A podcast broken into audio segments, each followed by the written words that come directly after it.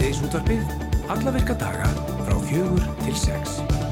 Og það er Andri Freyr Viðarsson og Guðrúndís Emilstóttir sem alltaf stýra þættinum í dag. Ákveði var fyrir skemstu að loka sendiráði Íslands í Rúslandi frá og með 1. ágúst næstkomandi. Átnið Þór Sigursson sendiherra er því farin frá Moskvu en hann flög heim á leið fyrir nokkru dögum síðan. Og hann ætlar að koma til okkar í sítegisútapöðu eftir til þess að ræða veru sína í Rúslandi og ástandið í landinu. Sólinn er byrjuð að skína á suðvestur helmiki landsins og það er rjóma blíða á suðurlandi. En á sama tíma er spáð slittu eða snjókomu á fjallfjöðum norð-austanlands á morgun. Hvað er eiginlega í gangi er eitthvað sem við veltum fyrir okkur hérna í síðdeisúttarpinu og við ætlum að rína í veðra á eftir með Sigurði Þotn Ragnarsin eða Sigar Storm eins og öllu jafn að kallaður. Já, veðurfræðingi. Við rákum auðin í það að samtökum dýravelferð skor á Akureyra stíða við Kísukott en Ragnhildur Gunnarsdóttir hefur ekki Kísukott kattar aðstóð á Akureyri síðastliðin áratug. Langt er uh, síðan jafnmargir kettir hafa verið á vergangi á Akureyri og nú og uh, það fylgir mikill kostnaður starfseminni. Sýtegisútapið heyrði síðast í, í Ragnhildi fyrir rúmi ári síðan en þá stóð til að loka Kísukotti fyrir fullt og allt en það er nokkuð ljóst að ekkert varður þeim plönum og við ætlum að heyra í Ragnhildi hér á eftir. Sverrir Ingólfsson, eigandi samgöngum minjasafsins Istafelli, hann verður á línun hjá okkur eftir. En á þessum degi árið 1928 þá óg bifreið um auksnallarseiði í fyrsta sinn. Og viljum að heyra söguna af þeirri sögufrægu bílferð sem að tók vist 15 klukkustundir maður veldi fyrir hvort þetta verður svona flinstambíl Já, maður veldi því fyrir sér. En Öksnandalsegði, hún er örglega ekki verið neitt grín að fara nei, yfir. nei. Uh, Hjónin Hulda Tölgis og Þorstein Vaff Einarsson eru höfunda bókar sem að fjallar um þriðjuvaktina en bókin er fyrir fólk sem að vilja jafnrétti á eigin heimili. Og við spyrjum, vil ekki allir jafnrétti á eigin heimili og á þessi bók því ekki erindi við alla? Höfundarnir uh, er að sapna fyrir útgáfu bókarinnar á Karlínafönd og við ætlum að fá Huldu til okkar á eftir til þess að ræða innihald bókarinnar En við byrjum út í eigum þar sem að góðslagaháttíðin verður sett með formlegum hætti í dag. Og á líninni er Íris Róberstóttir bæjastjóri Vestmanneia. Sæl og blessuð. Sæl og blessuð.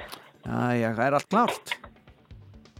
Já, já, það er allt klárt og við erum svona, setningin er núna síðdegis en við erum búin að taka forskot á sæluna. Það er ímislegt, við erum búin að taka mótið fórsetanum í varskipinu óðunni og við erum búin að halda háttíðafund bæjarstjórnar og skrifundi vilja yfirlýsingu um nýja vassleyslu og þannig að það er brjálega að gera þó sem ekki búin að setja háttíðin. Já, Já. það er svona háttíðafundur bæjarstjónar. Er, er þá betra bakkelsi en er vennilega? Hvernig, hvernig er sáfundur öðruvísin hinn? Nei, það er svona að við skulum segja það að það er ekki pólitíska deilur á háttíðin. Mm, þannig að það var nú bara kaff og konfekt sko en Já. hérna þetta er, er svona Dagskráin er stilt upp uh, vegna tílefnisins, við skulum segja það. Já, og það er mikil blíða í eigum akkurat núna, ég var nú sjálf stött í Vestmannaugum helgina og sildi heim í Róma blíði í gær og ég sé að því að það er mm. mynd af ykkur hérna, þar sem við erum búin að skrifa undir þessa viljaheflýsingu, það er allir með sólgleru og, og mikil stemning og, og mikil sól. Já, við erum bara, já, ég held að það sé bara einna besta veðri á landinu hérna, allavegna sunnalands og hérna hjá okkur. Það er bara dásamlegt og þetta er bara Þetta er náttúrulega gleði dagur í þessu ferli sem að gósi var og náttúrulega auðvitað sex mannaða tímabil og lóksins komið fréttinað um að gósinu væri lokið og þá svona var þessi óvista sem var, búa, var búin að vera yfir fólki varðandi það hvað yrði að þá svona kom endapunktur og ok, við getum farið heim. Já. Þannig að þetta er alltaf hátíðisdagur hérna þó að auðvitað allt sem tengis gósinu sé oft erfitt í allir umræðu og svona blendna tilfinningar. Mm -hmm. Og þið verðum með einstaklega veglega hátíð í ár, já, já, sögum þess að það eru 50 ár frá góðslökum. Já, við ætlum að taka eina viku í það núna. Við erum svona þekkt fyrir að fagna öllu í helgun, en nú tökum við viku. Byrjum á mánudegi og endum á sunnudegi. Já. Með fullt af svona allaveguna mjög fjölbreyttu efni, bæði fyrir börn og fullorna og það verður hlaup hérna á förstu daginn, þessi stóra hátíðasanguma í dag svo eru, gefur við alltaf svona, hvað ég var að segja, þú veist, tónlistinu okkar, Átger Kristjánsinni og Ása í bæ og svona gerum þeim alltaf hátt undir höfði á þessum tímamótum. Og það er ímsið viðbörðis tengtu því og svo þetta glæsileg barnandagskrá og svo bærin fallega skreittur með svona handprjónu um veifum Ef þið farið inn á góðslokaháttíðina hérna á Facebook og getið séð þetta, það er búið prjóna hérna 1600 veifur í góðslokalitunum og búið að skreita bæinn með því. Já. Þannig að það er svona ímislegt gest öðruvísi. Já, já. Eh, verða, já, verða eðan fullara af gestum eða er pláss fyrir fleiri sem að vilja kannski skella sér á þetta? Það er pláss fyrir því, Andri. Já, ok, æðislegt, það þarf ekki meira. Já, það er, ég held að það sé mjög ásett um helgina, en það er auðvitað hægt að koma og og og Gunnardís var að tala um, svona svolítið í anda þessa, þessara stóru helga, hún fer mjög fljóðlega. En það við getum alltaf tekið á móti fleiri gestum og það er, þetta dreifist aðeins núna líka því þetta er svo langu tími. Já. Já. Og kannski hægt að tjálta líka núna í ljósi þess að það er svona gott veður. Það er bara geggjur blíða og ég sá að það var tölvert að hýsum og svona komið við þórsemili. Mm -hmm. Frábært. Eh, Íris Róbersdóttir, eh, bæjastýru Vestmanna, við segjum bara góða skemmtun og takk kjælega fyrir spjallið. Heyrðu bara, takk fyrir og þið hafa okkur í huga að á rúndunum í Suðurlandi að kikið yfir okkur. Ekki spurning. Erum við sjáumst þá bara í vikunni? Við gerum það. Já, bless, bless. bless, bless. Hefur þú farið á daguna? Ekki á góðslokkahátti. Ég farið á þjóðhátti. Já, ég sé það. Svo ég farið til Vestmanæði til að vinna. Þú ekki bönnuð á þjóðhátti eftir þú vorst? Nei, ég, ég hegðaði mér alveg þokkalega. Já, ég veit ekki. Og svo hef ég farið til eiga til að vinna og var að gera sjómansverkefni og svo já, já. fór ég á, á fókbaltamót núnum helgina. Akkurát. Það var þvílikt til fyrirmyndar, Andri. Já. Já. Vestmanæði kunna þetta.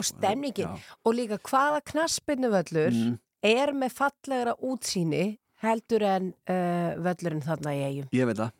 Engin. Nei, bara engin. Þú ert að hlusta á síðdeis útvarpið á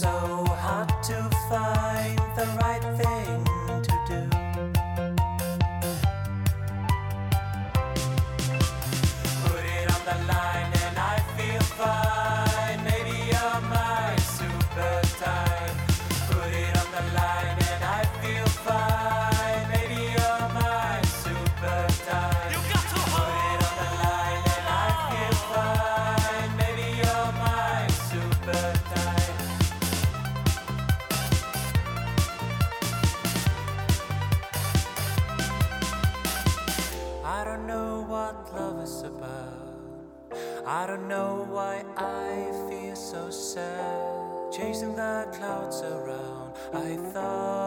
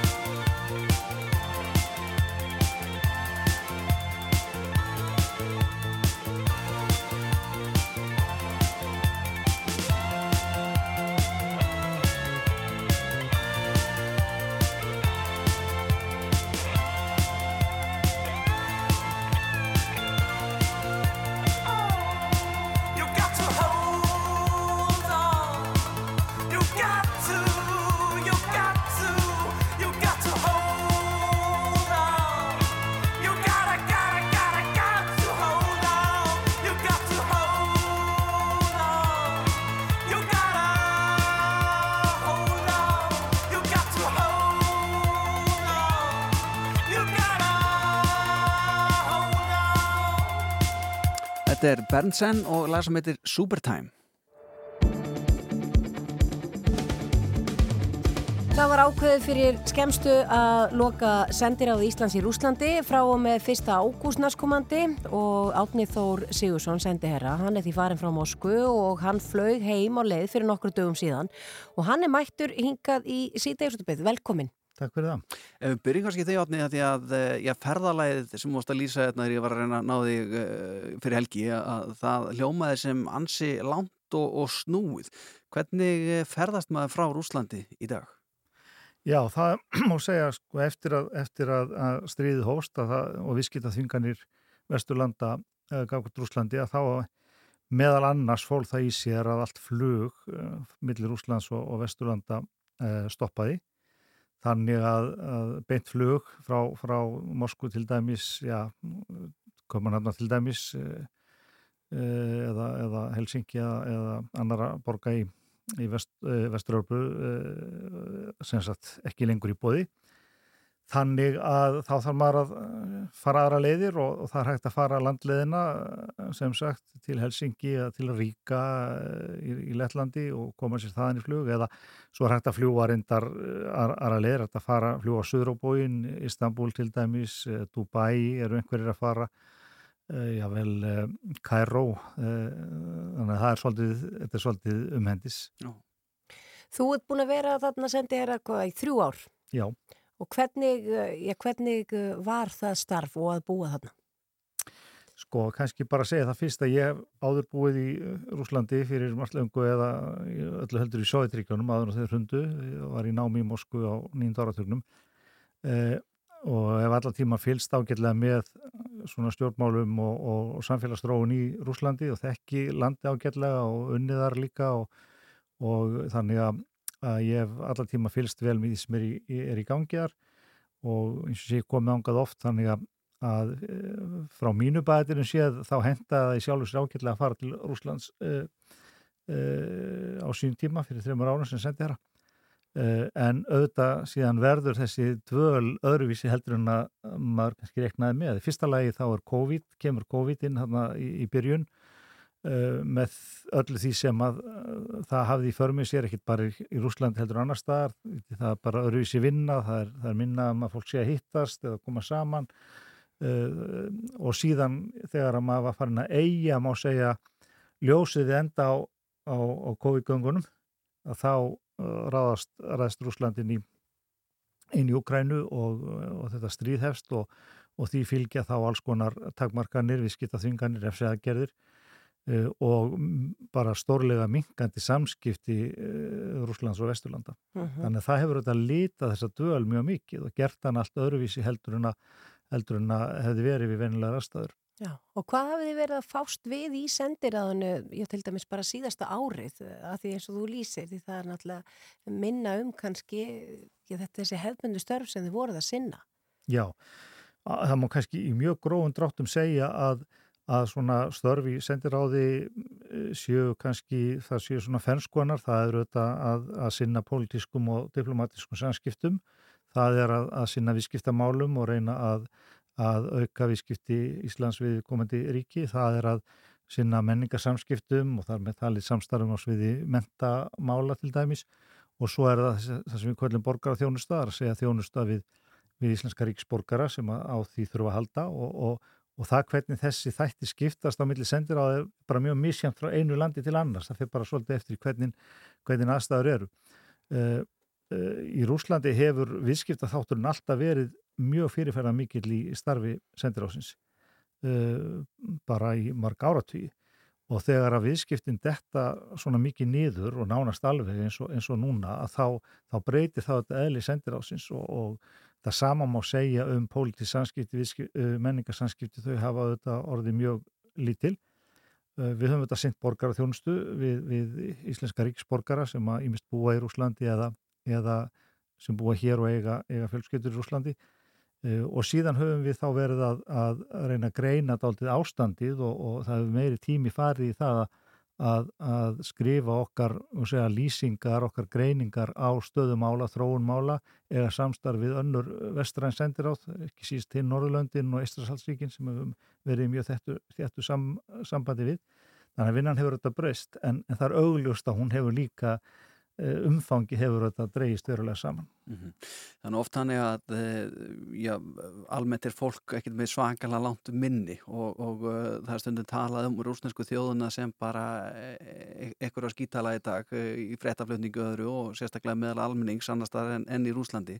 En hvernig svona áður en að, að innrásin hefst og svona og þú náttúrulega verið lengi og líka bara með hann er í gangi. Hvernig er hinn almenni rúsneski borgari? Er þetta ekki bara ágættis fólk? Mín reynsla er, er almennt bara jákvæð af, af fólki þar og, og reyndar þar sem ég hef búið á, í nokkur löndum að það er bara almennt jákvæð upplifun af, af íbúinum uh, og, og þeir eru hjálpsamir og vilja gertan leggja lið og allt þetta því. En, en eins og þú í að ræða sko þá þetta hefur umræðan, samfélagsumræðan auðvitað áhrif líka á, á afstöðu fólks í, í, í Rúslandi og, og uh, það sem við hefum séð á undarförnum mánuðum á missurum er það hvernig fjölmilar eru með eitthvað einsleita mynd af já, bæði sambúðinni við vestur, vesturlönd og hver, hvað vesturlönd ætla sér að vilja og hvernig stríðseksturinn í, í Ukrænu gengur fyrir sig. Þannig að Þannig að myndin sem að rússar eru með, hún er allt öð, öðruvísi heldur en það sem við sjáum í gegnum vestrana milla og, og það auðvitað lítar svolítið samskiptin þegar, að, þegar, að, þegar að þau eru orðin svona styrð. Já, var erfitt eh, stundum að því að þú eins og segið þú ert náttúrulega með eh, þínur upplýsingar líka frá vestrænum miðlum og svo varst þú að fylgjast með því sem að margir vilja kalla bara hreinlega heila þvott. Eh, var erfitt að setja á sig stundum þegar þú varst að fá út úr báðum áttum og vissi kannski rauninni hvað er rétt og ránt? Mm. Sko ég er nú mjög yfirvegaður maður, eðlisvari, þannig að ég hérna kip mér kannski ekki dvað mikið upp í það þó að fólk hafi aðra skoðanir og, og ég er ekkert feiminn sjálfsögðu við að, að koma þeim á framfæri við til dæmis rúsa sem að ég hitti í, í, í því samingin en uh, uh, kannski ekki beint erfitt en, en það er auðvitað óneitanlega daldið skrítið að upplifa það hvernig hlut hlutinir eru matreitir í, í rúsnesku miðlum og hvernig stjórnveld hafa í raun og veru svo mikið tak á, á fjölmiðlum og, og, og, og skoðana myndunin í, í samfélaginu. Mm. Það er eitthvað sem við þekkjum ekki hér, e, e, já, í raun og veru alls ekki, sko, alls ekki með sambarlum hætti eins og í Rúslandi, þannig að Þannig að þetta er, þetta er, þetta er alltaf skrítið að fylgjast með því. Mm -hmm. Og hversu, ég menna, eins og þú segir, menna, hversu upplýstur er bara rúsneskur almenningur um stöðu hernaðaðgerðunar í, í Úgræn? Hvernig metur það? Eins og sko, þeir kalla þetta hernaðar aðgerð. Já, einmitt, sko, það er nótt eitt það til dæmis það bara hvernig, hvaða merkimiða menn nota á, á hlutina og þetta, þetta kalla þetta sérstakka hernaðar aðgerð en megi ekki kalla það stríð og, og, og, og það er komin lög sem að uh, já, fólk getur verið sendt í fangels í morga ár fyrir bara að nota vittlaus hugtök að þeirra mæti um, um hlutina uh, og, uh, og það eru þetta sko þetta, er, þetta verður kannski svolítið hluti af, af, af bara tilverunni hjá manni. Það er, að, það er að, hlusta á það hvernig sagt er frá hlutunum í Rúslandi og, og svo af því að við höfum aðganga vestrannum miðlum og bera þá svo uh, það svo saman og eiga svo samskipti við rúsa og, og segja nei þetta er nú ekki svona, þetta er einhvern veginn allt öðruvísi. Það um, en, en uh, ég held að sé þetta alveg erfitt fyrir okkur að setja okkur í þessi spór uh, almennings sem að, sem að fær svona eins einslita mynd, svo einslita mynd af, af, af raunveruleikanum. Eh, sko það þýðir auðvitað ekki að það sé engi rússi sem hafi verið aðganga vestrannu miðlum, auðvitað eru ymsir sem gera það og vita og fylgjast með og, og þess að það, en stjórnvöld hafa gert það líka erfiðara með því að alloka á ymsar samfélagsmiðla eins og Facebook eða Twitter eða Instagram og, og, og þú kenst ekki inn á miðla eins og til dæmis BBC og ymsa, það, það er loka nema þá með einhverjum svona krókaleiðum og það almenningur er ekkit endilega leita að, að, að slíku. Það, það eru svona ákveðnir aðilar í samfélaginu sem að auðvitað gera það og, og hafa þá svona einhvern segja uh, upplýsingar á miklum breyðari grunni heldur en, heldur en allur almenningur. Þannig að uh, jú, þetta er ónýttilega aldrei sérkjænlegt. Mm. Það er nú ekki langt síðan að frettir barastu því að Vagnarhópurinn væri bara á leiðinni í Moskvu og, engin vissi í hvað stemdir heimlega og þú varst á staðnum. Hvernig mm. var tilfinningin? Leistir eitthvað á þetta ástand? Sko þetta var auðvitað mjög skrítið, ég bara get ekki neyta því og hérna og það eina sem að maður getur, það sem ég get sagt er það að það eina sem maður veit er hvað maður veit lítið uh, og, og þessi sólahengur var auðvitað mjög skröðlegur að því leiti til að, að ég fekk upplýsingar hérna strax um nóttina að fara á nótt lögadagsins að að uh, eh, Vagnarhópurinn í undir fórstu Príkósins væri búin að taka yfir Rostovborgina og, og, og væri á leið til Moskvu. Og svo var maður að fylgjast með þessu fjölmjölum og, það sem var reyndar aðtiklisvert af þess að rústinskir miðla sögðu frá þessu bara tiltölulega fannst mér opið svona miða við það sem maður hefði kannski átt von á eh, hvað væri gangi og að það væri engin mótspilna þeir væru bara á, á hraðri leið til Moskvu og, og það væri engin mótspilna, herin væri ekkert að reyna að stoppa það af og þetta fannst manni aldrei augvænlegt og, og við hafðum heilmikið samráð þarna að sendi herrar hérna Norðurlandana og, og ég herði það að, að þeir væri að senda fjölskyldu sínar úr landi bara reyna að koma fólki burt en, en, en, en það var líka áhættu samt vegna að við vissum ekki hvernig ástandi var hvorki á flugöllum nýja á, á hraðbröðinu eða maður ætlaði til dæmis að reyna að koma sér landleðina til Finnlands þá vissum við sjálfur sér ekki hvernig ástandi væri þar. Þannig að á endanum þá, þá var það nú okkar mat að, að það væri e, örgast að vera bara heima hjá sér. Já. vera bara innandira Þannig að upplifur þú að það væri bara orðið hættulegt kannski að vera í Rúslandi þannig á þessum tímapunkti sko, Ég upplifði þetta þannig að það væri mikil óvisa við vissum ekki nákvæmlega hvað væri að gerast en, en, en En í sjálfu sér vissi maður kannski það að Vagnirhópurinn, hann, sko, markmið hans var ekki að fara að taka einhver vestran sendiráð. Markmið hans var þá meira að reyna að ná völdum á rúsneska hernum eða jáfélín í Kremli eða eitthvað þess aftar. Þannig að ef maður heldur sér bara heima við það, þá ætti maður að vera sæmilega örugur. En óvissan var auðvitað mjög mikil og alveg allar þennan solaring. Mm -hmm. Nú er talað um það að maður lesum það í fjölmjölum að já, svona staða Pútins hafi kannski veikst við þetta og svona, hvernig, hvernig myndir þú meta stöðu Pútins? Þetta er erfið spurningi veit á stór. Já og það er mjög erfitt að, að, að átta sig uh, á þessu vegna þess að það eru svo margar kenningar í gangi, sumar kenningar gangi út og það að þetta hafi allt verið bara eitt leikrit og einhvern veginn bara sviðsett af jável af Kreml eða einhverjum inn, inn í Kreml. Uh, öðrum finnst það mjög ósennilegt og, og uh, sérstaklega bara hvernig það bara að. Uh, það er sagt um, um, um Putin að, að það sem að hann, honum mislíkar mest, það er það sem að hann upplifir sem sveik við sig og hann hefur náttúrulega lengi haldið vendarhendi yfir Prigozhin og Vagnarhóknum þannig að, að, að ef hann upplifir þetta sem nýfstungu í bakið eins og hann sagði í ávarpi til þjóðarinnar hérna á löðasmóði ef hann upplifir þetta þannig að þá held ég að að viðbröð hans hljóti að verða eitthvað í samrami við það gagvart Vagnarhóknum þegar að framlýða stundir að minnst okkusti. Mm. mm. Og hvað tekur svo við þér, Átni? Já, nú ætla ég bara að vera hér á Íslandi í nokkra vikur í, í sumafrí og, hérna, og hitta fjölskyldurinn mína sem ég ekki gert mikið af undan harta mánuði. Ekki verið mörg tækifæri til þess bara vegna samganga? Nei, nei, ég mitt, þannig að það er svolítið skriðin til vera en, en nú fæ ég smá tækifæri til þess. Já. Átni Þór Sigursson fyrir um sendeðra Íslands í Mosku Takk kjærlega fyrir komuna í Sittirsótafið og gangið vel með framtíða verkefni. Takk svo um liðs. Rástvö Upplifðu romantíkina í tjaldi á Suðurlandi. Tjaldsvæði Þagili, tjaldsvæði Þjórsadal og tjaldsvæði Reykjamörk í hveragerði. Þú finnir okkur á tjalda.is. Kombikamp. Útilegumadurinn Mosó. Útsalan í fullum gangi, 40% afsláttur af umgjörðum og sólglerugum. Augað glerugnamherslum kringlunni. Alveru stígar, þessi sem ná lengra. Múrbúðinn, gott verð fyrir alla, alltaf. Nú eru tax-free snirtiföru dagar í Hagkaup. Hagkaup.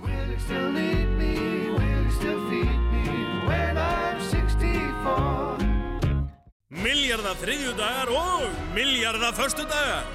Einfalt, tvöfalt, menna ég. Eurojackpot breytir lífinu tviðsvar í viku.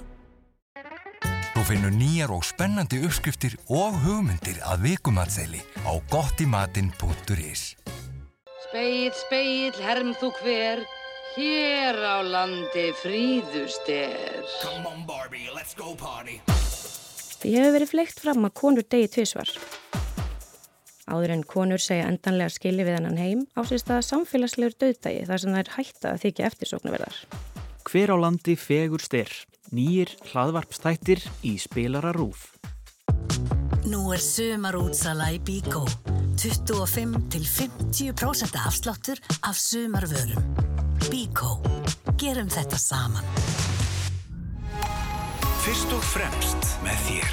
Við erum Rástföð.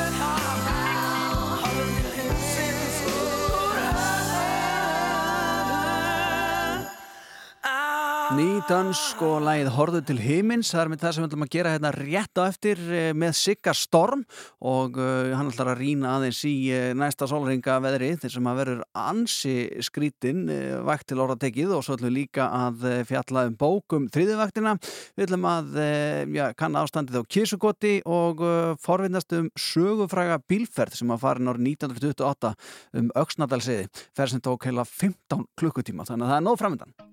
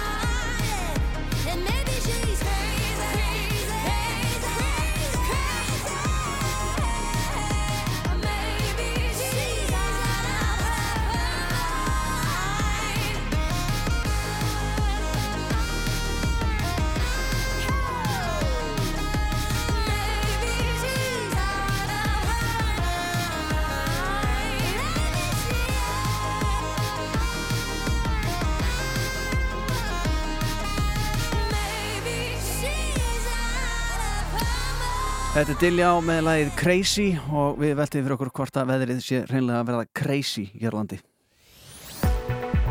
Veðurhorfur næsta Og sólaringin. það er við hafnar útgáfa veðrinu, það ekki kuna?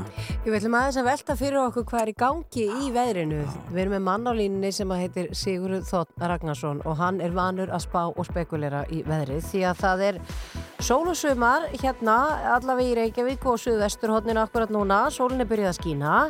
Það er eh, bongoblíða á Suðurlandinu og út í eigum meðal annars við hefum það áðan þegar við töluðum við Írisi Róbersdóttur bæðastjóra og uh, svo lásum við að það ætti jafnvel að vera snjókom eða slitta á morgun á heiðum norðaustalands og við hugsaum bara hvað er í gangi og það er engin annan en Siggi Stormus sem getur svarað því. Kondur sætla að blessa við Siggi.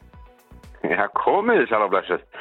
Já, það er þetta er að verða eitt undarlegasta sömur sem að sem að eh, sögur fara af, má segja, því að hérna, eh, þe- þetta er, þetta er allt mjög svona förðulegt því að e, sko, það, sko eins og júnimánuðurinn var að þá, þá hefur sennilega aldrei verið hlýra á östfjörðum og, og þetta er eitt hlýjasta sö- sumar eða júnimánuður sem hefur komið á, austamæli landinu í júni en, en, en eh, að samaskapi í Reykjavík var úrkoman eh, tvöfalt meir enn í meðalári í júni þannig að, að eh, þetta er búið að vera allt voðalega undarlegt og, og, og, og eh, við erum eiginlega að horfa upp á núna loksins breytingu um sinn í það minnsta. En allavega þessa viku Og, og loksins er það komið í, í þann, þann farveg að, að eh, Suðurlandið og Suðvesturlandið þá fær, fær eh,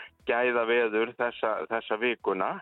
Og, og uh, það er lítur þannig út að, að það verður bæði bjartast og, og hlýjast á, á sunnanverðurlandinu.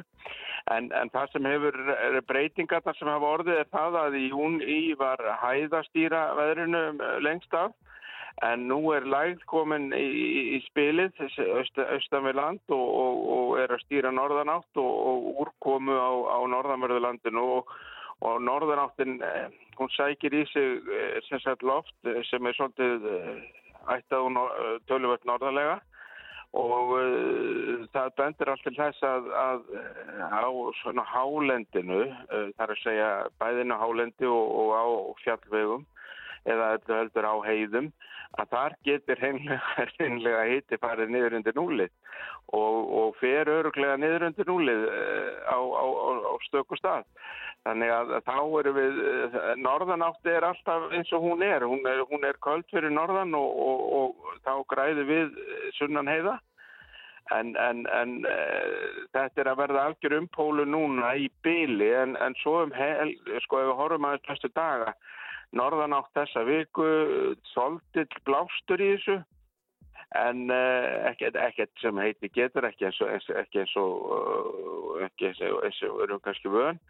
En, en uh, þetta er svona blástur í þessu sérstaklega vestamegin á landinu. En, en, en við erum að lenda í, í, í því að, að lægðin hún rýfur af sér skíinn á, á sunnanverðu þó er, er, er, er svona, svona vikun á enda gæti hitin verið þetta svona 15, 17, 18 og, og, og svo eru sömarspára að, að reyna að tegja sig upp undir 20 stík á, á Suðurlandi eins og þú varst að, að nefna og, og það sem eiginlega kannski má e segja er að e, svolítið spennandi horfur um helgina því að, því að næstu helgi því að það gæti orði bara nokkuð bjartum víða um land, bara líka Norðurlandi það rofar til aftur þar og Og, og, og þegar þeir eru búin að fá yfir sig þessa guðsu sem, sem að þeir eru að fá yfir sig þessa vikuna og uh, mér sýnist á öllu að, að,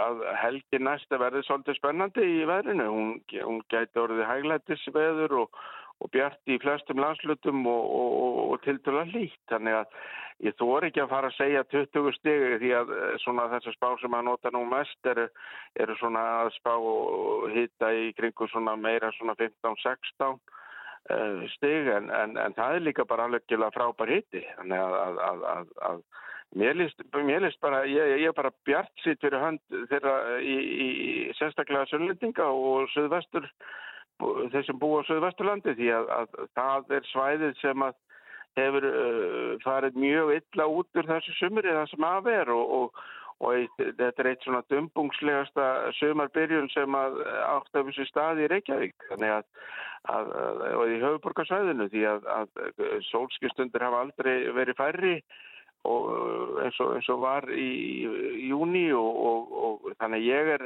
ég er bara gladur í bræði, eins og sagt er. Já, Siggi, þegar maður er svona sérfræðingur í veðri eins og þú og, og já, við erum stundum að reyna hérna, ég og Gunna og, og hlustendur og fleiri að eldast við veðrið. Hefur þú ákveðið forskot á það og, og hagar fríinuðinu svolítið samkvæmt því hvar veðrið er best að því að þú eitt vest á undan okkur hinnum? ég veit nú ekki alveg hvort að, hvort að hérna uh, maður hafi nú, maður, ég get ekki stýrt veðurinn í það minnsta. En hérna en það sem ég reyni að, að, að gera er auðvitað að ef ég er á ferðarlagi að þá þá er alveg hörmungin einn að hanga í, í, í vósbúð og, og, og leiðendum uh, og allir fúlir og og fólki í þunglindi yfir veðri, það er ekkert skemmtilegt sko. Og, og, og ég er búin að fá mjög mörg símtöl núna í júni fyrir þá sem búið Reykjavík hvað er eiginlega gerast sko. Þegar að, að læðagangurinn er með þeim hætti að, að, að senda tvöfald meðalúrkomu þá er náttúrulega eitthvað, eitthvað, eitthvað í gangi. Og, og Og, en, en ég reyni eðvitað og, og það er þannig að, að uh, sko, núna ættu menn að kippa upp sem er á Norðurlandi og búin að vera þar að, að, að kippa upp og færa sig yfir á Söðurlandi því að, því þar er, er og ég á vona þau að, sko þið sjáu það í gær þá fór hittin í 17 stigi Reykjavík 19 stigi í fljósliðinni og, og við getum verið að sjá uh, klaustur eða eitthvað svo leiðis farið við upp undir 20 stigi í dag Þannig að, að, að við erum bara, Suðurlandið er að koma inn og, og, og þanga myndi ég fara ef ég var að, að ferðast og, og svo ég tala ekki um Vestmanneia því að það er náttúrulega margt, margt uh, alltaf gaman í eigum þegar það er gott í veðri.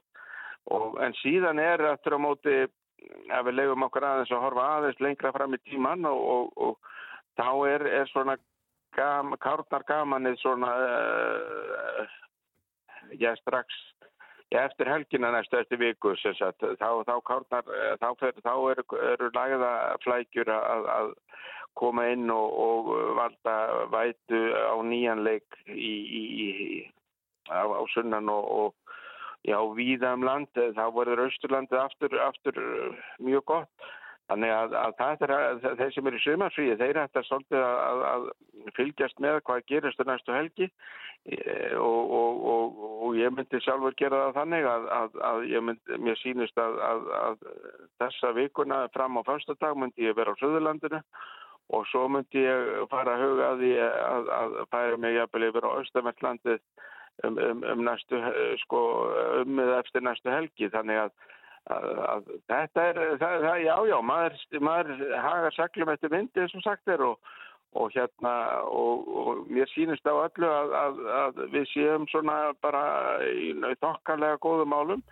En auðvitað er það þannig að það er svolítið skrítið að menn sé að spá snjókomu eða slitti eða spátnar að sína það á, á, á herri, herri fjöldum eða svona á heiðum En það er náttúrulega bara þegar að norðanáttin kemur svona langt að norðan og, og, og, og það sem er kallt, uh, hitin lækkar með hæð og við erum að tala um frost á, á hæstu tindum og þá náttúrulega vitum við hvað, á hvaða formi úrkoman fellur. Þannig að þetta er ekki kannski neitt sem er orðið en, en, en, en það, það þarf samt að, að fara gætilega, sérstaklega þeir sem eru á ferðalagi og eru með aftan í vagn og annað að, að, og sem að dekki með auðvitað að þegar að fara þeir á hæstu heiðar að þar gæti, gæti orði, orðið snjókoma og, og, og norðanáttin veldur henni sko,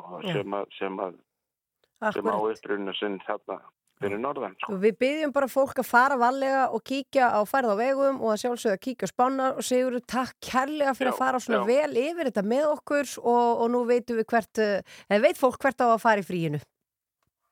Já, nú, þetta, þetta er bara svona, Suðurlandi er, er það alla þessa viku og, og uh, all landum næstu helgi og allt fyrir að besta veg og svo, svo breytingar eftir helgina næstu. Já, takk fyrir. Þann, þannig lítur þetta út. Það var lítið, bara hafa það gott. Já, við reynum. Bara skemmt, skemmtið ykkur í sólinni. Já, við náttúrulega bara höldum áfram að vakta heimilið þitt og sjá hvert þú ferð og eldum. ok. Takk fyrir þetta. Allt í góðu. Já, bless, bless. Takk, takk, takk, bless. Já, hérna er það ekkert smá sem að uh, þetta var uh, fróðlegur og, og ég myndi segja að þetta er pakki, þetta er veðupakki sem að nýtist okkur. Þetta er hátíðar útgáðan. Já, við lofum henni. Já, loðum, við hafum náttúrulega útgáðið hérna veðrunu og, og þið fenguð hana. Hérna eftir þá við að tala um hundu, Huldu Jónsdóttur sem að er að skrifa bók sem heitir Þriða vaktin og fjallar svona um jafnbrettið á heimilinu meðal annars. Já, svo eftir að fjallum kísukott. Kísukottið, akkurat. Glemma því og svo er það bílferði yfir Öksnandalseiði árið 1928. Já, sem að tók heila 15 klukkutíma, hvorki meiri minna og við ætlum að forvindast aðeins um hana og setjum okkur í sambandið mann sem að veit tölvert mikið um bílferðir, almennt og bíla. Allt. Allt saman og við ætlum að skeignast aðeins inn í, þetta ferðaleg. En fréttastofan er að gera sig klára hérna með fimm fréttir og við ætlum að leipa það maður en smá stund og svo heldum við áfram með blessað síðdeis útvarpið. Þú ert að hlusta á síðdeis útvarpið á Rástvöð. Hjónin Hulda Tölgjes og Þorstein Vaff Einarsson eru höfunda bókar sem að fjalla um þriðju vaktina. En bókin er fyrir fólk sem að vil jafnrétti á eigin heimili. Og við náttúrulega spurðum okkur bara því Andri í morgun þegar við lásum þetta Já. hver vil ekki jafnrétti á Akkurat, heimili? akkurat. þannig að þessi bók hlýtur eiga erendi við okkur öll. Og uh, höfundarnir eru að sapna fyrir bókarinnar og Karolina Fund og Hulda er enga komin til að segja okkur aðeins frá þessari þriðju vakt og innihaldi bókarinnar. Konti sæl og blessuð. Hæ. Páll Óskar, hann söng einhvern tíðan megi megi þessi heimur hér vera betri en hann er og það byrjar hjá mér. Er, er þetta pælingin með bókina byrja þetta svolítið inn á heimilunum og, og svo færa þetta út fyrir það? Já, uh, það er auðvitað ekki hægt að segja þessi jafnbritt á Íslandi að það er ekki jafnbritt heima. Nei. Við erum náttúrulega bara mjög mikið á heimilunum okkar og, og þar erum við mikið að alveg bönnin okkar og, og það skiptir bara ógeðslega miklu máli að þetta sé ekki bara eitthvað svona síndar jafnbritti. Einmitt. Er mikið um síndar jafnrétti? Þú, uh, finnst þér það? Skinnjar það? Ég held það uh, og ég held að einmitt, bara miða við sko frásagnirna sem ég hef fengið frá konum þá er þetta bara svona eitthvað þema sem er í gangi út um allt. Þetta er ekki bara svona eitthvað eitt og eitt heimili, heldur einhvern veginn reynslu heimur hvenna verist vera þannig að það er bara, já, ég veit nákvæmlega hvað það tala um, já, einmitt. Veist, það er bara einhvern veginn kingakolli, gefið þetta augnar á til hver annar og bara, já, ég veit hvað það meina. En hvernig í hverju lýsir þetta sér, þessi þriðja vakt? Farðu, að það er ekkert allir sem að þekkja þá skilgreiningu, Nei. eða það hugtak. Einmitt, og, og, Útskýrðu og, það er bara alveg eðlilegt sko. Þetta hefur verið til staðar og slúlega lengi en við höfum kannski frekar nýlega fengið svona bara þetta hugtak yfir þetta og mér finnst alltaf best að útskýra þetta uh, út frá þessu bara fyrsta vaktin er launastarf utan heimilis bara starfi sem við fáum launin okkar fyrir önnu vaktin er að gera eða framkvæma eitthvað heima eða tengt heimili eða tengt jafnvel vinnustað og svona okkar na- svona nær umhverfis. Uh, þar sem við erum í rauninni að riksuga við erum að vesli matinn, elda skuttla ömmu til tallæknis allt þetta, vöga blómun í vinnunni svo er að þriðjavaktin hún er svona eh, þetta utanumhald, yfirsýn, skipulagning þessi tilfinningalega nattni þar sem við erum að spá í veist, líður öllum vel, hafa allir það sem þau þurfa. Uh, og það er mjög ósýnilegt í rauninni að vera á þriðjavaktinni, þú, þú getur verið á þriðjavaktinni og þú, það sér það enginn á þér en það er mjög sýnilegt hver er á andra vaktinni Mm. hver er að riksu og hver er að gera og það er oft þegar það er maður og það er svona minnstu sem við sjáum þá er hann rosalega duglegur Einmitt.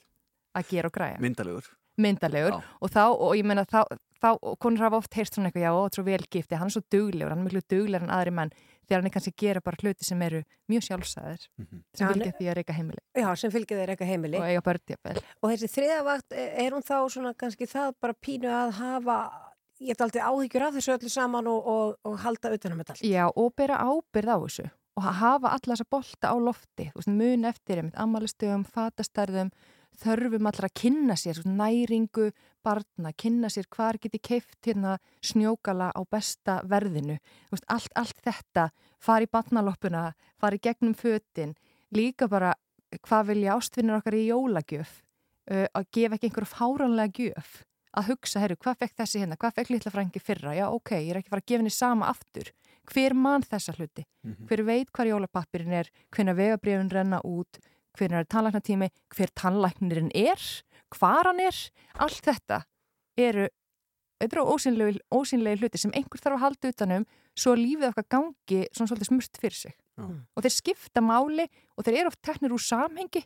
Svona eins og eitt sandkott tekið út úr þungum sandpoka hvað máli skipti að þó að þú veist ég finn ekki tannlækni, ég bara sný við og fyrir hana allt er lægi, en ef þetta gerist með allir þessar hluti, þá verður lífið örgulega svolítið svona, já, svona, svolítið svona torfært, sko. Já. Og þetta kannski er þetta að lenda þessi þriða vakt meira þá á konum. Já.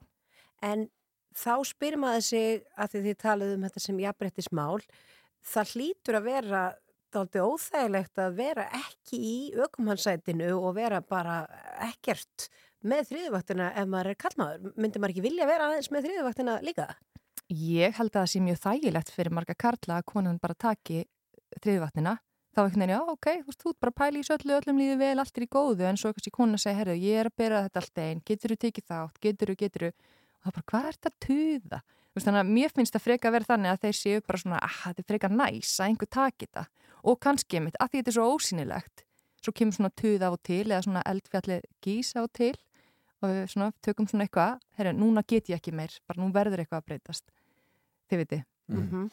Þriðja vaktin, bókum hugrana byrði eh, sem þið er að sapna fyrir á, á Karlinu Fönd í þessum tölu orðum. Já. Hvernig verður hún uppsett? Er þetta svona flettiritt þegar maður lendir í ykkurum áræstrið þá er þetta að grípi bókina og, og fara í efnisiflit og fletta á kaplan og búm, Já, þannig er þetta. hún verður svona praktísk og við, við í rauninni sko, sko við vinnum út frá rannsóknum og við ætlum að vera um sapna saman reynstu sögum kvenna en við í rauninni já, þetta, þetta verður ekki eins og eitthvað fræðiritt sem er þurft að lesa og leðilegt og mín reynsla bara af því að vera á samfélagsmiðlum er að fólk nennir kannski ekki að lesa rannsóknir sjálft en það vill, vill kannski vita um hvað fjallað það er.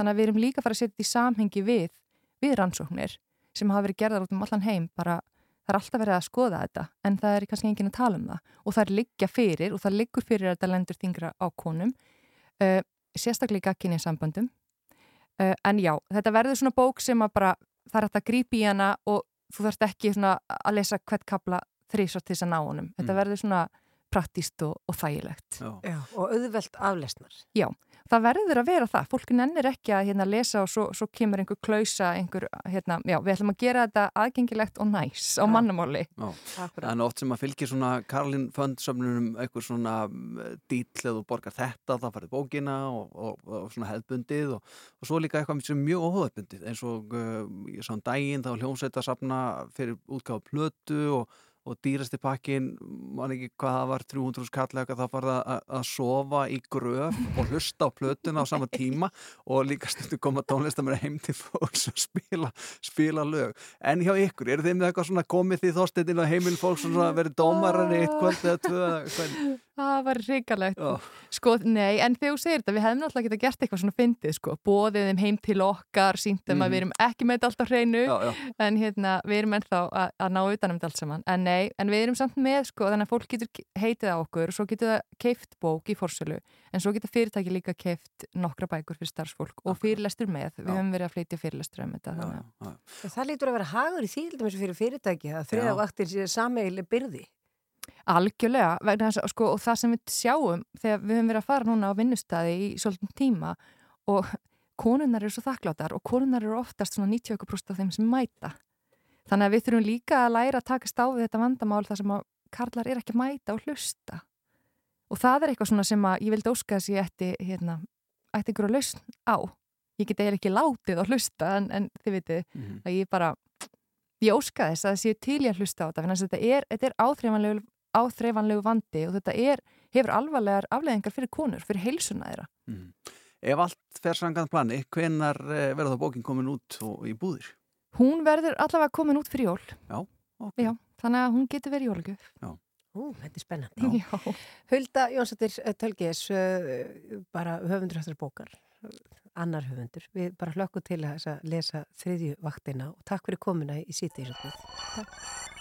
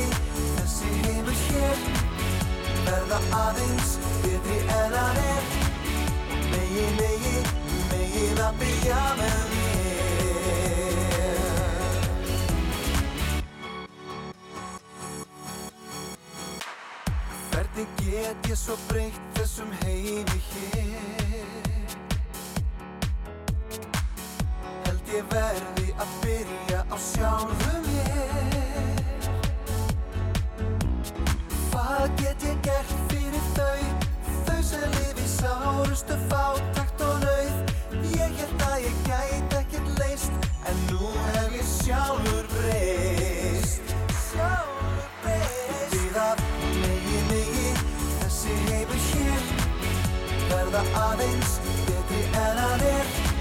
Og megi, megi, megin að byrja með. Mér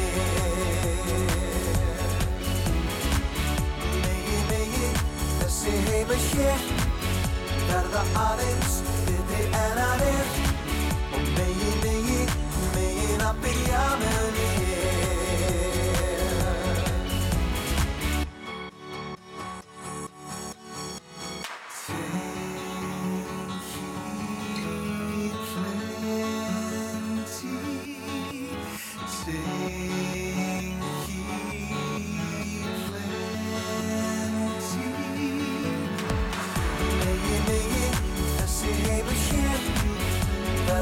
aðeins. Segni en að er Megi, megi, megin að byrja með mér. Megi, megi, þessi heima hér Verða aðeins. Segni en að er Megi, megi, megin að byrja með mér. Megi, megi, þessi heima hér Verða aðeins en að er og megi, megi, megi það byrja með mér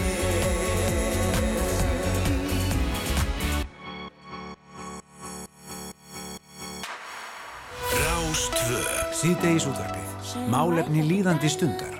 Frá fjögur til sex á Rástvö Shine bright like a diamond.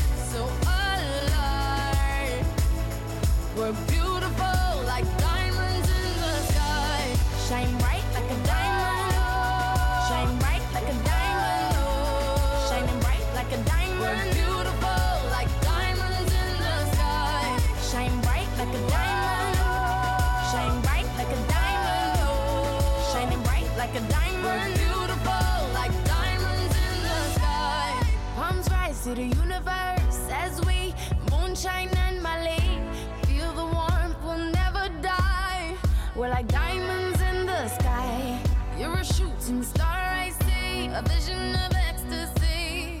When you hold me, I'm alive. We're like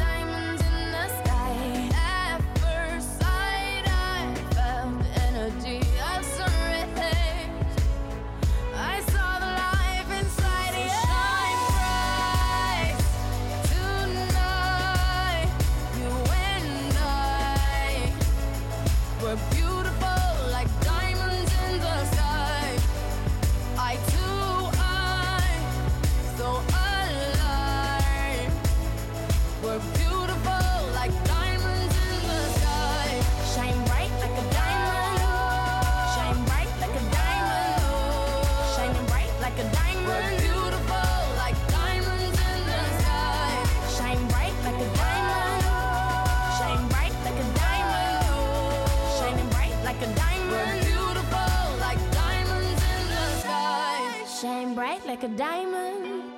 Shine bright like a diamond. Shine bright like a diamond. So shine.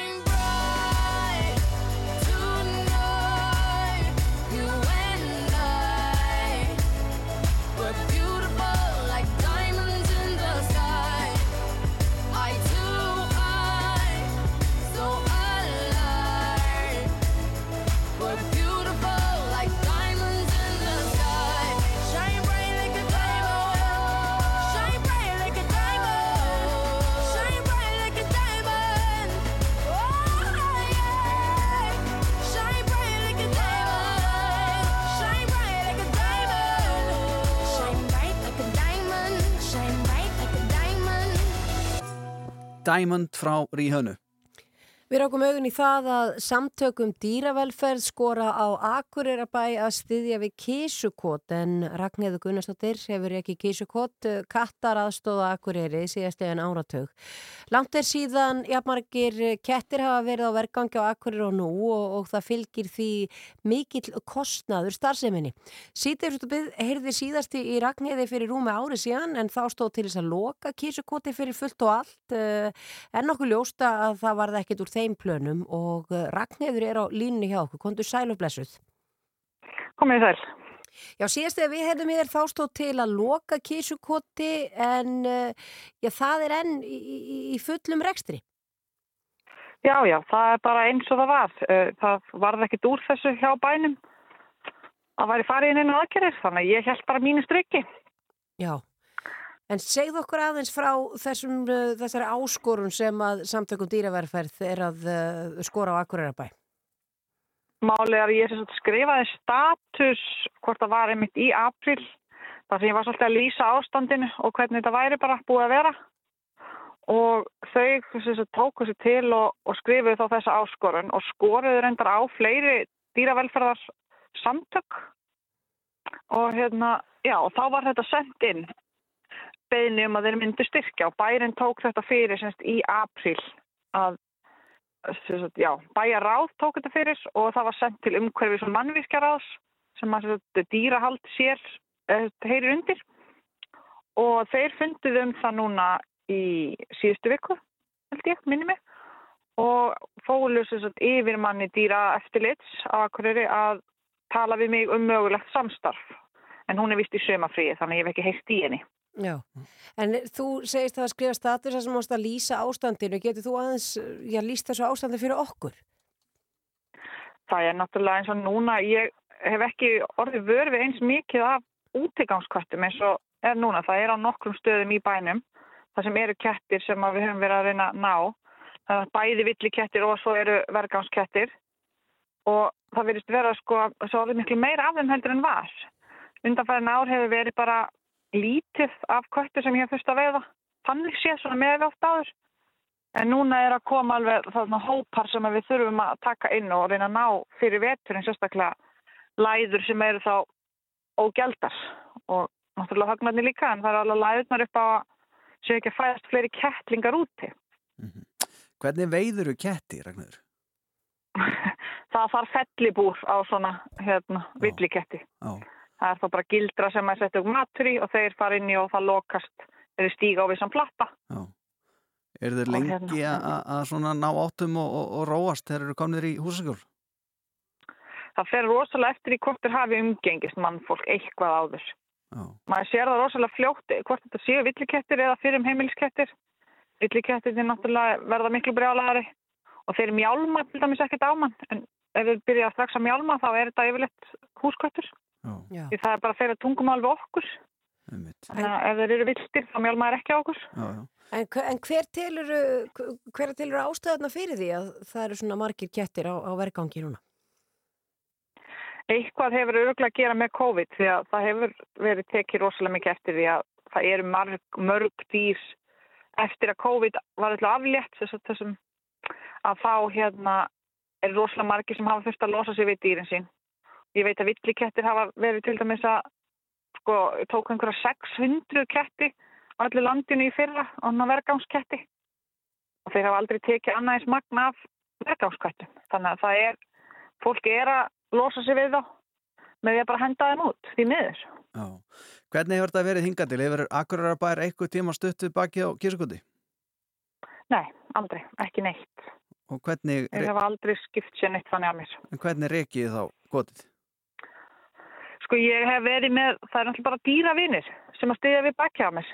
Ég er með sko árgjald þar sem fólk borgar sem svipa bara eins og önnur góðgera félag verið með og svo er náttúrulega bara frjálsframleg. Svo hef ég verið að núna með hérna svona mánægilega styrki. Þannig að þá sendi ég fólki alltaf bara reikninga eða þannig, þannig að það getur lagt borgað. Já. Hvað fannst þér það er í þá, rauninni bara alfarið. hvað fannst þér þá um, um, umræðin um að, að þetta banna á sínum tíma lausagöngu katta en svo vilja þær ekki stiðaði baki á, á uh, kísugundi? þetta er náttúrulega með þetta lausagöngu bann, sko, það var tekið svolítið bara svona eh, snögg ákvörðin, bara allt í einu ákveð. Það var ekkert rætt nema á einum bæjarfundi og það er ekkert svona, þú tekur ekkert svona ákvarðanir þannig, sko. Nei, nei. Og svo náttúrulega bara, ég menn það er náttúrulega engin mann, mann að skapur til þess að sinna þessu. Það er náttúrulega rosalega mikið máli ef það á að fara að banna öllum köttum að vera úti og það fara náttúrulega hellingakötti sem er eftir að sleppa út og þeir hafa ekkert mannskap í það. Mm. Þannig manni fannst þetta svolítið svona asnalegt að fara að reyna að fara að, að eða peningum í það frekar heldur en það sem að ég er að gera.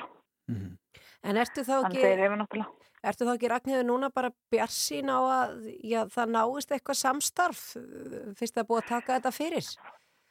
Jú, ég vona það innilega. Ég vonast bara til þess að fara að heyra í þeim fljótlega með það að, að fá þá jafnvel eitthvað húsnæði eða eins og dýrageimslan þeirra.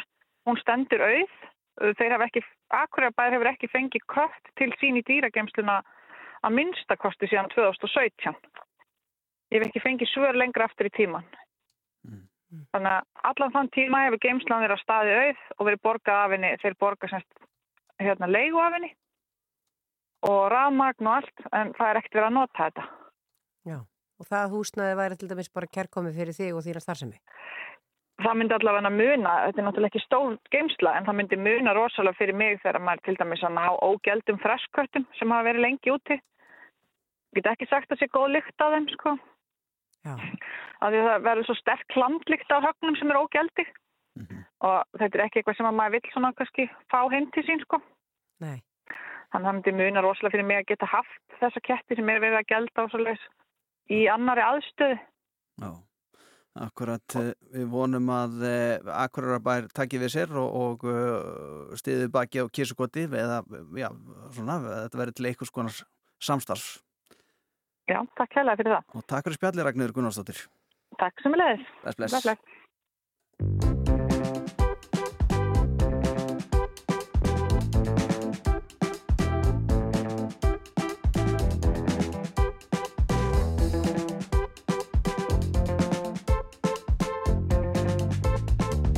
Nú er lók komið minn tími Ég sest niður, læt úr mig líða Veit ekki alveg hvað mér langar í Svo ég ákveða hingrað eins og býða Er það lakris eða hlaupangsi? Bara það sem veldur ekki bakflæði. Eitthvað sem lina mína þjáningar Og vekur ekki upp á þægilegar spurningar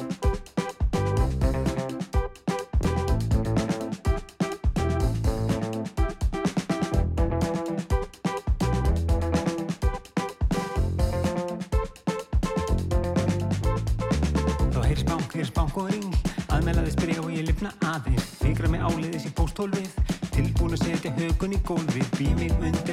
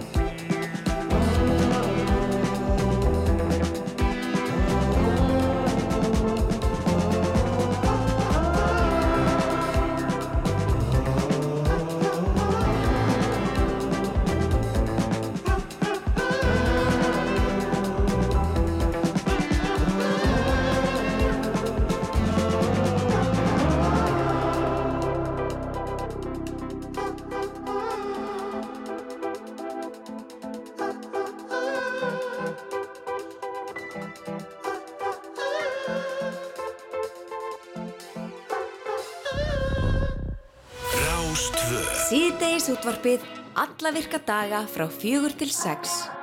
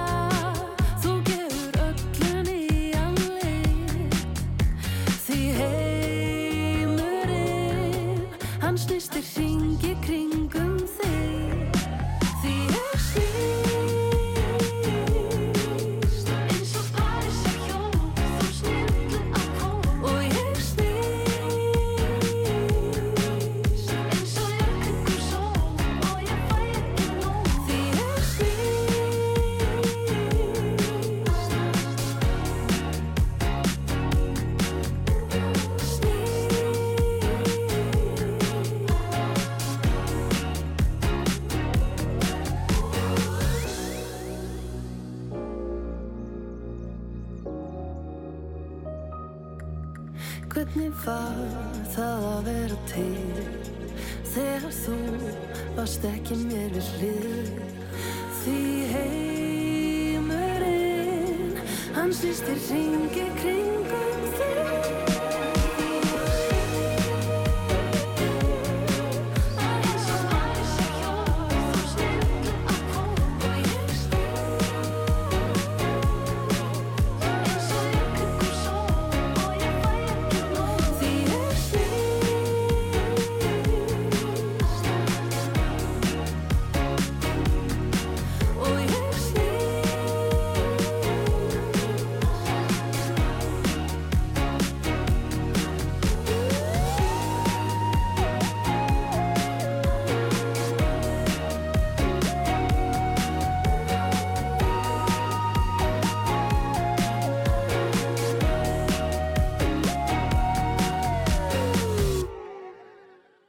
er nefnilega, það. þetta er Parísarhjól með GTRN. Andri, að því að uh, Siggi Stormur var að segja að hann var svona aðeins að leggja okkur línutur um hvert hann myndi fara ef hann væri frí Já, já. Og hann var til dæmis að benda að norðan fólki á það núna og þú væri fyrir norðan hefustan og myndir bruna eitthvað á Suðurlandi eða bruna hengað á Suðvestur hotlandsins og njóta þessara viku hér Mhm. og svo um helgin ætti þetta að vera gott kannski um allt land Já. og svo þyrtu við kannski Suðvesturhóttin að bruna eitthvað austur uh, í næstu viku. Já, já. Það var svona, hann var að leggja upp með þetta Já. og eins var hann að tala um það náttúrulega því að það er ekki nóg með það að það verði eh, mögulega slitað að snjókoma á fjallvegum og heiðum á Norðausturlandi á morgun sem er náttúrulega bara varasamt Já, í fyrsta lagi Já, já. varasamt uh, Vissulega. það er allir á sumadekkjum Já, já. og, og út með aftan í vagna og svo er maður alltaf áhugjur af blessaðir í söðkindinni Já. ég var áhugjur af gróðurinum, ég var áhugjur af túristónum ég er bara áhugjur rosa mörgu Mhm. Já. ég er að viðkjöra það, ég er, ég er að taka miklu meir en þriðju vaktar áhugjur pakka hvort núna, ég Já, er bara að taka það þýðir ekkert kunnað, þú getur ekki lagt þetta allt á þínu herrar. ég er bara með miklar áhugjur Já, af, Já. öllu þessu fólki en, já, og kindirinn alltaf. Þá verður fólk átt að hafa það í huga ef það voru til dæmis einhverju startir á akkurir bara núna rétt á hann og heyrði sig að og hugsuðu með sér að þeir ætlaðu að hoppa upp bíl já, já. og brunast það hinga suður Já. þá nefnilega það kemur smá babibótin eða fólk er allavega að vita það í kvöld á milli klukkan 19 Já. það er nú bara eftir núna einn og halvan tíma Mhm. og til klukkan 5 í fyrirmálið Mhm. þá verður brautarholtsvegur á Kjalanesi og ringvegur 1 malbyggaður Já, og brautarholtsvegi verður lokað og ringveginum verður lokað Mhm. til söðurs já, þetta er milli klukkan 22 og 05 já. Það er nefnilega það. Þannig að það, það, en það verður náttúrulega hjáleið Já, um Það eru nú skemmtilega stundum. Þá verður maður að gera svona nýja leiðir sem er ekki... bara ekstra, Já. tekum maður eitthvað nýtt Það getur gaman að þeim. alveg nýtt. Já. Það er sérst um kvalfæraveg sem er nummer 47 og Mhm. verður eitthvað velta því fyrir þér. Mhm. Kjósaskar nummer 48 Já. og Mósfellsdal Já, 36. einmitt. Þannig að það er þetta að fara hann ímislegt þetta að gera. Sko. Vissulega, En vissulega. annars held ég að það séu náttúrulega bara flestir út í eigum núna út af Já, já. góðslokaháttíðinni Já, já. sem var sett núna formlega klukkan 5. Þar átti náttúrulega fórseti voru að halda ræðu og Hann er mættur. Já, já, Já, já. innviðar á þeirra er líka Já, já, og er Íris var er Það verður bara gaman. Það verður bara mjög gaman, já, já. En víst að þú hefur svona miklar áhyggjur. Það er náttúrulega margir sem að leita út fyrir landsteinana þegar sumarið er svona sumstaðar eins og það búið að vera stundum Já. í Irlandi og uh, þá væntalega fyrir að hafa ágjör af fólki sem er hrætt við að fljúa. Uh, ég er nú með svona ágættis uh, staðarind þetta varðandi flug og döðsföll í flugi því að margir sem að eru bara skýtlóðandi hrætt við að stíga upp í flugvel og margir hafa bara hreinlega aldrei gert það og treystir sig í það. Flugrættir. Þá var ég með frétti fyrir ykkur því að það eru fleira, sko, fleira fólk sem hefur dáið af völdum asna uh, heldur en í flugslýsi. Við að, að völdum astna. Já, dýrsins. Já. Þar hafið það. Við ætlum að fara að fjalla hérna um rétt og Ég, mér langar að vita hvernig astni, hvernig asni. Uh, asni er bara asni. Þetta Nei, er bara dýr sem er líkist hesti en samt minni og hvernig stærri lætur maður asnaveri. lífið bara þetta af hest, Já, já, þeir sparka líka og það er, það er allt sem getur gengið á þar. Blessuvertum maður, þetta stórslega sér, stórhættin. Ertu með heimsmetabók og veistu Nei, nei, þetta er bara staðrind. tölfræðum hversu margir degi á ári? Nei, ég er nú ekki búin að rýna í tölfræðina en, en þetta er nú bara staðrind samt sem áður. En astnar hafa náttúrulega verið til mikið lengur heldur en flugvelar. Hmm. Astnar. Já, já. Já, já. Við ætlum að eh, fjalla nánar um uh, já, eitthvað sem erum búin að minnast á hérna þættinum og, og tengist Öxnadals heiðim því að á þessum degi árið 1928 þá var bifreið eh, í fyrsta sinn ekið um Öxnadals heiði og, og keirt frá Blöndósi til Akureyrar og þetta tók heilar 15 klukkustundir og við ætlum að kynna okkur þetta nánar með honum Sverri Ingólfsinni hérna, rétt að þessu lagi lofnu.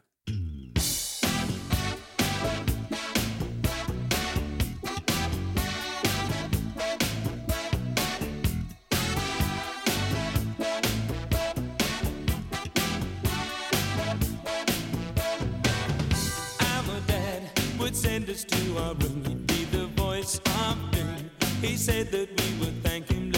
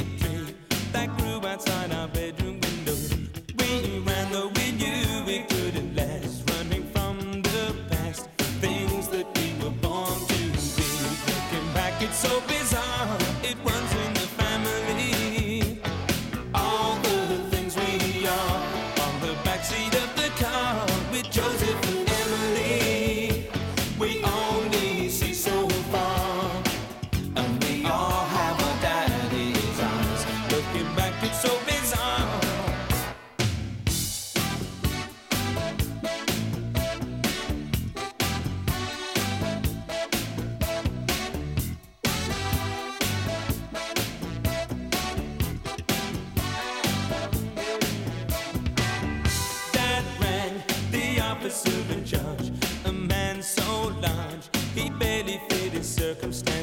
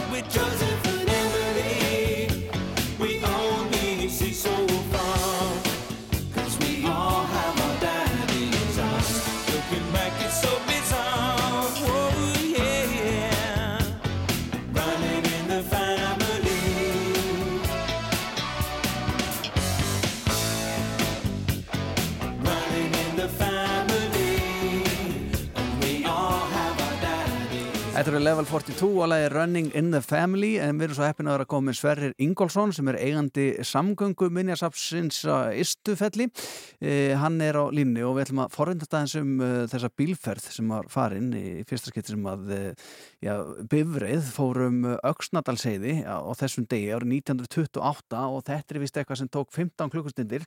Hann er hérna hjá okkur. Sælublesaður Sælublesaður, Andri.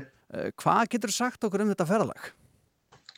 Ég svo sem veit ekki mikið um það en eitthvað aðeins. Þetta var Þorkell Tittsson, stöðarstjóri í Borgarnesi sem fór norður lakurir á Stórstúkuþing með tvo farþega og þetta var fyrsta skipti sem að fara yfir heiðina, já. Já. Og fylgir það sögunni hvernig bifrið þetta var? Þetta var Ford Model T 1926 model, árgerð. Já. Eru svona bílar, þeir eru vantalega ekki til lengur á landinu það? Jú, það er til þó nokkrir. Nú? Já, já, já. Ertu með svona á safninu? Við erum með tvo talsveit eldri Borda T model. Já. E- Einn 14 og einn 16. Það er eitt svona mjög svipaður þessum til á skóum sem við að gerði ná. Já, hérna. 27 model. En hvernig, ég menna, hvernig var vegurinn þarna yfir Öksnandalseiðina á þessum tíma? Þetta voru náttúrulega bara hestaslóðir og, og, og svo þetta tína steina úr og, og yfirlega var þetta alltaf og mjótt, það var almálið að, að breyka það og, og, og að þetta, eins og ég segi, það voru bara hestaslóðir sem að sem að voru talsveit mjóri heldur en bílarnir. Já. Og skemmist, skemmtist þá ekki bílið við þetta? Jú, þeir endust nú ekki lengi þessi bílar á þessum árum. Nei. Það var, það var alveg eh, gott eða voru náðu þeirra fjóru, fimm, sex árum sko. En sumir náttúrulega miklu lengur en, en, en það var algengt að þeir voru útkerðir af því. Já. En segðu okkur aðeins af safninu Ístafelli, hva, hvað eh, það er vental opið í allt sumar og allan á sér syng? Nei, það er, já, það er opið í sumar. Já. Við opnum svona síðast í mæ og, og reynum að hafa opið út september. Já. Fyrir eftir veðri og vindum, hvernig þetta leikar allt saman. Já, Já, hann er En, búið en, og alla, alla daga frá 11 til 6. Já, hann er búið að leika við ykkur veðrið, er það ekki? Jú, nema síðustu daga, það er búið að vera svona pínu snýrist aðeins, en, en það kemur sumar aftur hérna. Já. Já, já. Og hvað er þið með til sínis þarna fyrir utan uh, gamla, gamlar bifræðar? Það er náttúrulega bara alls konar, eins og við segjum. Það er, það er ótrúlustu hlutir sem okkur áskotna, sko, en, en þetta svona teikist alltaf mikið samgöngusögunni. Fengum fyrra mikið af, af myndum af, af brúm frá, frá vegagerðinni og, og já, svo er þetta bara alls konar dótar í. Mm Hvað myndir áallega að væri verðmætasti greipurinn á safninu? Það er ómögulegt að segja. Það fer allt eftir í hvernig menn sjá þetta. Menn sjá þetta með svo misjöfnum augum og, og hvað tengist og svona. En við erum náttúrulega með DeLorean hérna frá 1981 sem er mjög sérstætt eintak. Hann er eiginlega bara ónotaður eins og nýr. Og hann, hann náttúrulega, ef hann væri á markaði í Ameríku þá er hann þá er það þó nokkrar kró- krónur. Já, einmitt. Áttu þér uppáhalsgrip? það fyrir bara eftir hvað þeir eru að vinna við. Það er, núna náttúrulega er ég búin að sökka mér í Ford Junior sem að er að, var að byrja að gera upp í síðustu veitur.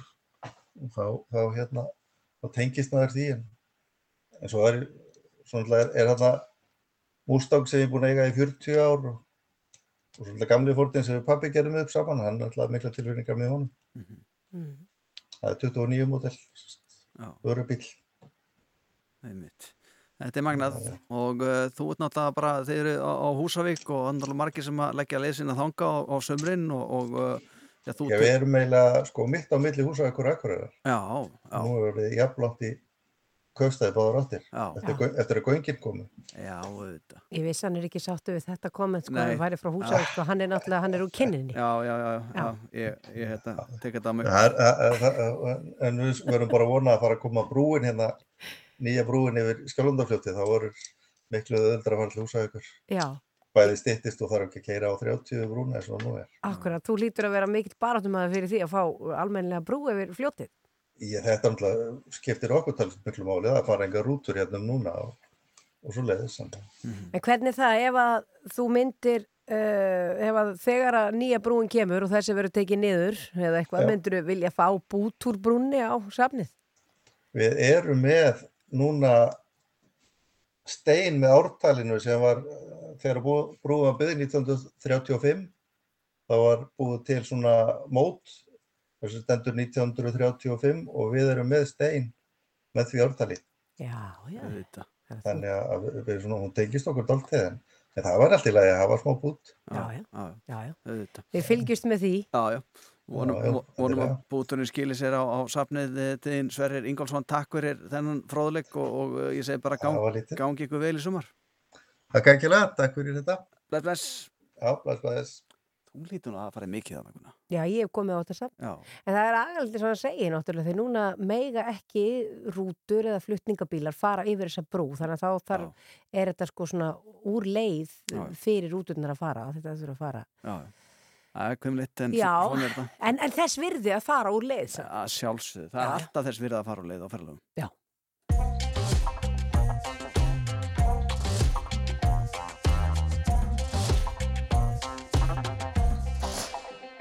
Er hell olíu á eld og neistar fjúka um.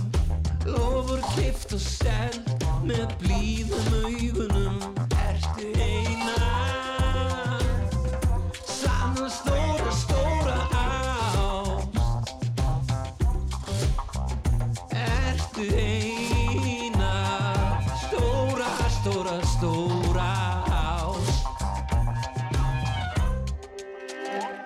Loftið er hlaðið háspennu, meir en orð fálýst.